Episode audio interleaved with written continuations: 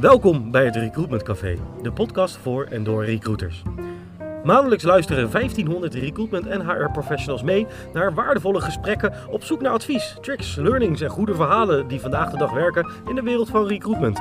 Van persoonlijke branding als recruiter tot het opzetten van een effectief referralbeleid, alles komt aan bod. Natuurlijk wel lekker in een informele setting. En nu door naar de podcast. Laten we beginnen. Ja, de laatste stap van het Recruitment Success Framework, oftewel stap 9, Data Feedback Loop. Laatste onderdeel in ons framework, maar last, maar zeker not least.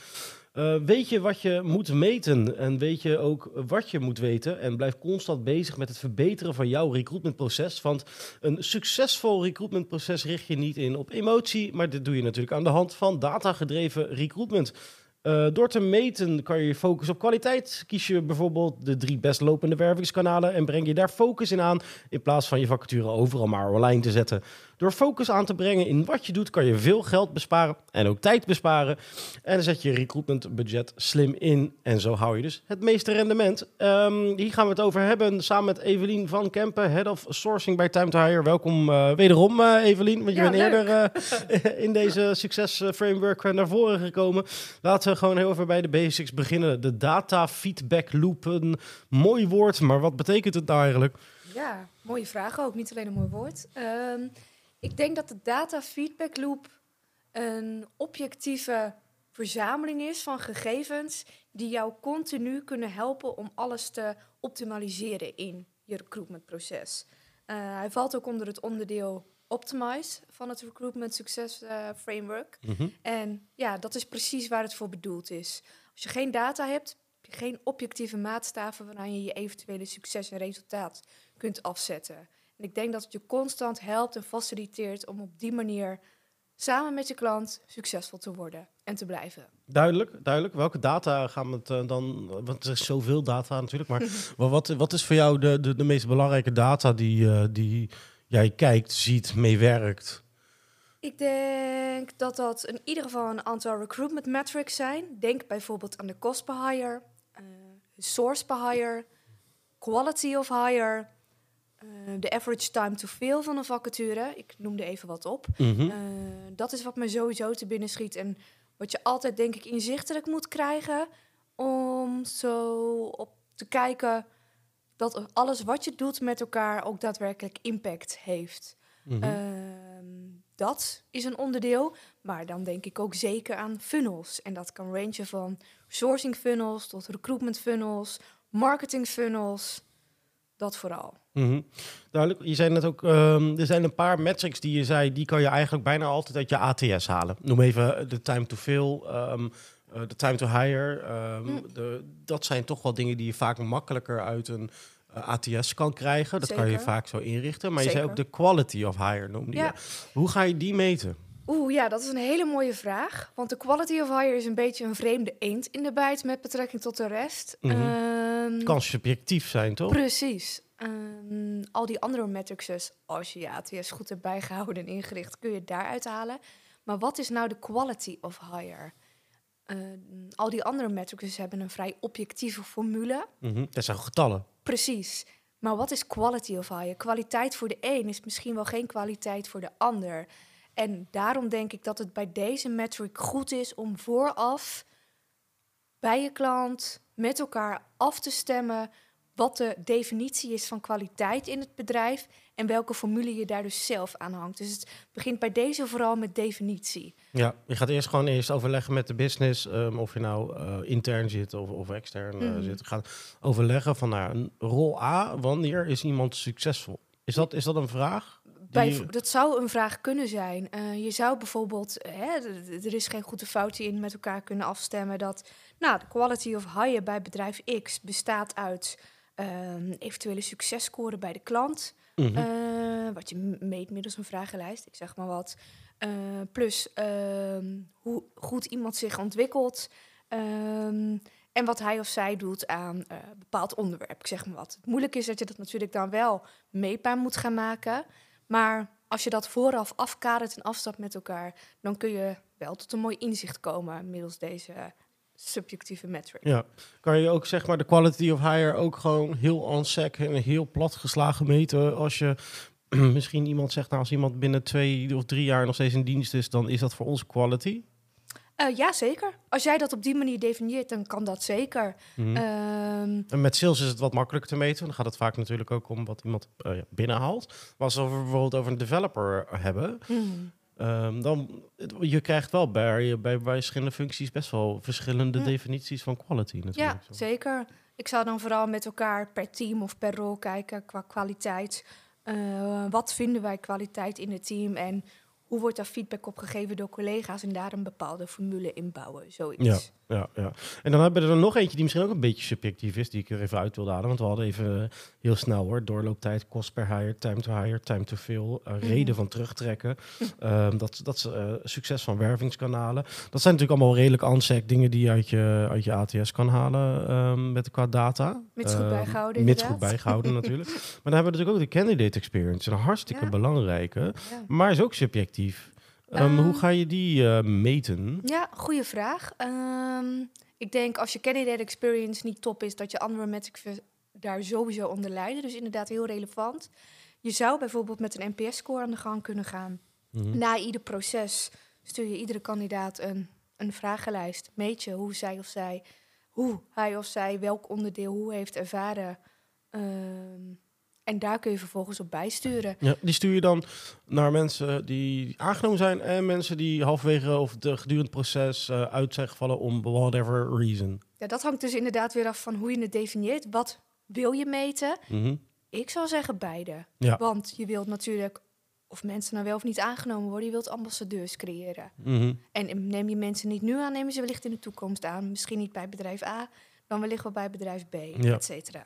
Voorbeelden van vragen in, in, in zo'n klein onderzoekje van Candidate Experience? Ja, mooie vraag. Ehm, ik ben zelf een voorstander dan om, om, om, om vragen aan de hand van een like-it skill te doen. Dus bijvoorbeeld 1, eh, punt, of 1 tot 7, waarbij 1 Mhm. helemaal ruk is en 7 geweldig, om Ja. het zo maar even te zeggen.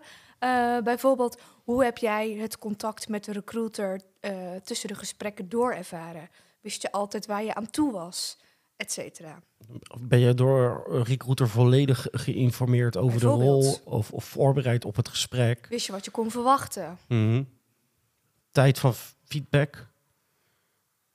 Dat je, dat je binnen een bepaalde eh één, twee, dag, twee dagen Bijvoorbeeld, eh, feedback doorlooptijd, krijgt. Doorlooptijd, ja. Snelheid, Mhm. zeker. Ja. Duidelijk.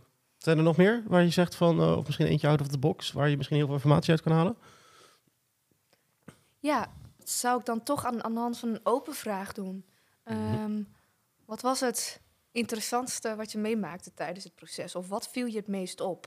Eh, en dat kan zowel positief als minder positief door iemand Ja. beantwoord worden. Mhm. Maar daarmee krijg je wel inzicht in, nou ja, wat je in ieder geval wel of in ieder geval niet in je proces moet toepassen. Wat Mhm. dus waarschijnlijk effect gaat hebben op al die andere metrics. Ja, duidelijk, duidelijk. Ehm dus eigenlijk best wel veel eh, eh, voorbeelden, maar het is natuurlijk wel, hier gaat wel tijd in zitten. Klopt, Ehm, zeker. En, en, en ehm, hoe ga je dat in jouw recruitment team? Iedereen heeft het druk, iedereen heeft misschien wel veel te veel vacatures. Ja. Ehm, ja, eh, hoe ga je dat ook nog inbouwen? Want dit is gewoon, eh, eh, nou ja, zullen we het zo zeggen, wel een paar uur per week om dit allemaal netjes bij te houden. En, en ook daaruit verder te kunnen werken. Dat denk ik ook. En tegelijkertijd komt hier dus ook mijn enthousiasme van het Recruitment Success Framework kijken. Want die is dus echt ge, ge- geëikt op lange termijn recruitment, duurzame recruitment. En soms eh, moet je inderdaad daar veel in investeren, in zaaien, alvorens je kan oogsten. En ik weet inmiddels dat dat dus vroeg of laat dat dat eh, voor je gaat werken. En ik denk dat je daarom ook goed in teams kan werken. Ehm, ik denk dat het al eerder in eh, deze podcastreeks aan bod is gekomen waarom we kiezen om het eh, Recruitment Success Framework veelal vanuit expertise en dus verschillende mensen in een team aan te vliegen. Als je dat goed verdeelt, ieder in zijn kracht zet daarin, dan geloof ik dat je met die kwaliteit eh, heel veel voor elkaar Ja. kan krijgen. Je hebt altijd wel iemand misschien wel in je team zitten die dit juist heel interessant vindt en juist energie van krijgt. Dat hoop ik. Mooi, duidelijk. Ehm, dan heb je natuurlijk heel veel data. Yes. Eh, maar aan data aan sec heb je eigenlijk niet zo heel veel. Want je moet ook iemand hebben of het zelf kunnen lezen. Ehm, en natuurlijk informatie van kunnen maken. ja, eens. Ehm, Eh, enkel losse data, ja. Ja, wat betekent het nou? Ik heb net zo goed een boek in het Japans gaan lezen, bij wijze van. mhm, Met de side note dat ik geen Japans kan. mhm. Ehm, ik denk dat het er vooral om gaat dat je die data, dat je daar betekenis aan kunt gaan geven. Dus je hebt data, dat verzamel je vervolgens beheer en beheers je dat op een bepaalde gestructureerde manier. En dan kan je dus interpretatie gaan geven aan die data. En als je die interpretatie scherp hebt voor jezelf en met je team, kun je met een advies op basis daarvan naar je, nou, naar je hiring manager, naar je klant gaan. En met dat advies kun je samen succesvol gaan worden. Ja, want wij eh, werken natuurlijk ook al een tijdje samen bij een RPO. Uh, wij gebruiken ook data om soms even terug te geven aan hiring uh, managers. Yes. Um, als ze hele um, goede, interessante verwachtingen hebben van een rol, om het even zo een beetje sarcastisch te zeggen. Ja. Um, wat voor data gebruik jij dan weer om, om hiring managers te overtuigen van joh, waar de weg die we nu zijn ingeslagen op dit profiel, dan gaan we niet worden?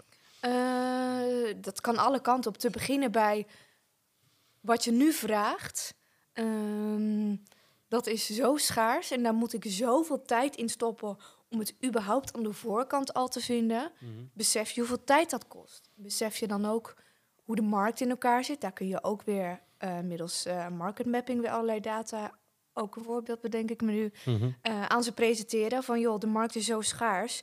Dat betekent dat ondanks dat ik die mensen misschien toch heb gevonden die jij vraagt, moeten ze ook nog openstaan om überhaupt te reageren of in contact te komen met ons. Uh, maar bijvoorbeeld ook als je merkt dat, uh, dat je constant terugkrijgt van kandidaten, dat ze het een super gave rol vinden, het bedrijf interessant, maar dat ze afknappen op de salarisrange, ik zeg maar wat. Op die manier kun je met elkaar gaan kijken, oké, kunnen we dan het salaris verhogen of uh, het profiel toch aanpassen, minder eisen stellen. Dat, om maar even een concreet voorbeeldje te geven. Ja. Nee, we hebben het natuurlijk al een paar keer gedaan uh, binnen onze opdracht. Zeker. Dat we hem uh, gewoon teruggegeven hebben. Van ja. joh, is leuk. Maar of we gaan nu uh, kijken naar de eisen. Ja. Um, die moeten omlaag. Uh, of soms moet het salaris omhoog. Ja. Uh, weet je, het is altijd een beetje of wat dan ook, ja. uh, aan de knopjes draaien om, om tot iets te, te, komen de, daarin. Dus inderdaad, van data naar interpretatie, van interpretatie naar advies en van advies naar succes. Dat is eigenlijk even de samenvatting. De samenvatting van data. ja, ja, duidelijk. duidelijk. Dit was stap 9 van ons Recruitment Success Framework. Wat begon bij strategy en alignment. Um, om te zorgen dat je al je plannen scherp hebt staan en iedereen weet waar je naartoe gaat in de recruitment. Awareness, zodat ze weten dat jouw organisatie bestaat. En interest zorgen dat jouw boodschappen ja, gepinpoint zijn op de verschillende doelgroepen. Zorgen dat je daar consistent in zijn, oftewel consistency. Stap 4, uh, talentpooling. Uh, zorgen dat je ja, de juiste berichten, de juiste talentpools hebt voor de consistentie. Wat het al zegt natuurlijk. de application, select, de hires, de pre- en onboarding. En dan komen we uiteindelijk uit bij deze, de data feedback loop. En met deze data kan je eigenlijk weer naar stap 1, strategy en alignment voor het volgende jaar zodat je weer heel goed uh, en scherp je plannen uh, duidelijk kan hebben. Dit uh, was de podcastreeks Recruitment Success Framework met de negen stappen. Check ze verder. Download ze ook eventueel als je het allemaal wilt teruglezen. Of je kan natuurlijk alle podcasts verder terugluisteren. Hartstikke bedankt voor het luisteren en tot ziens.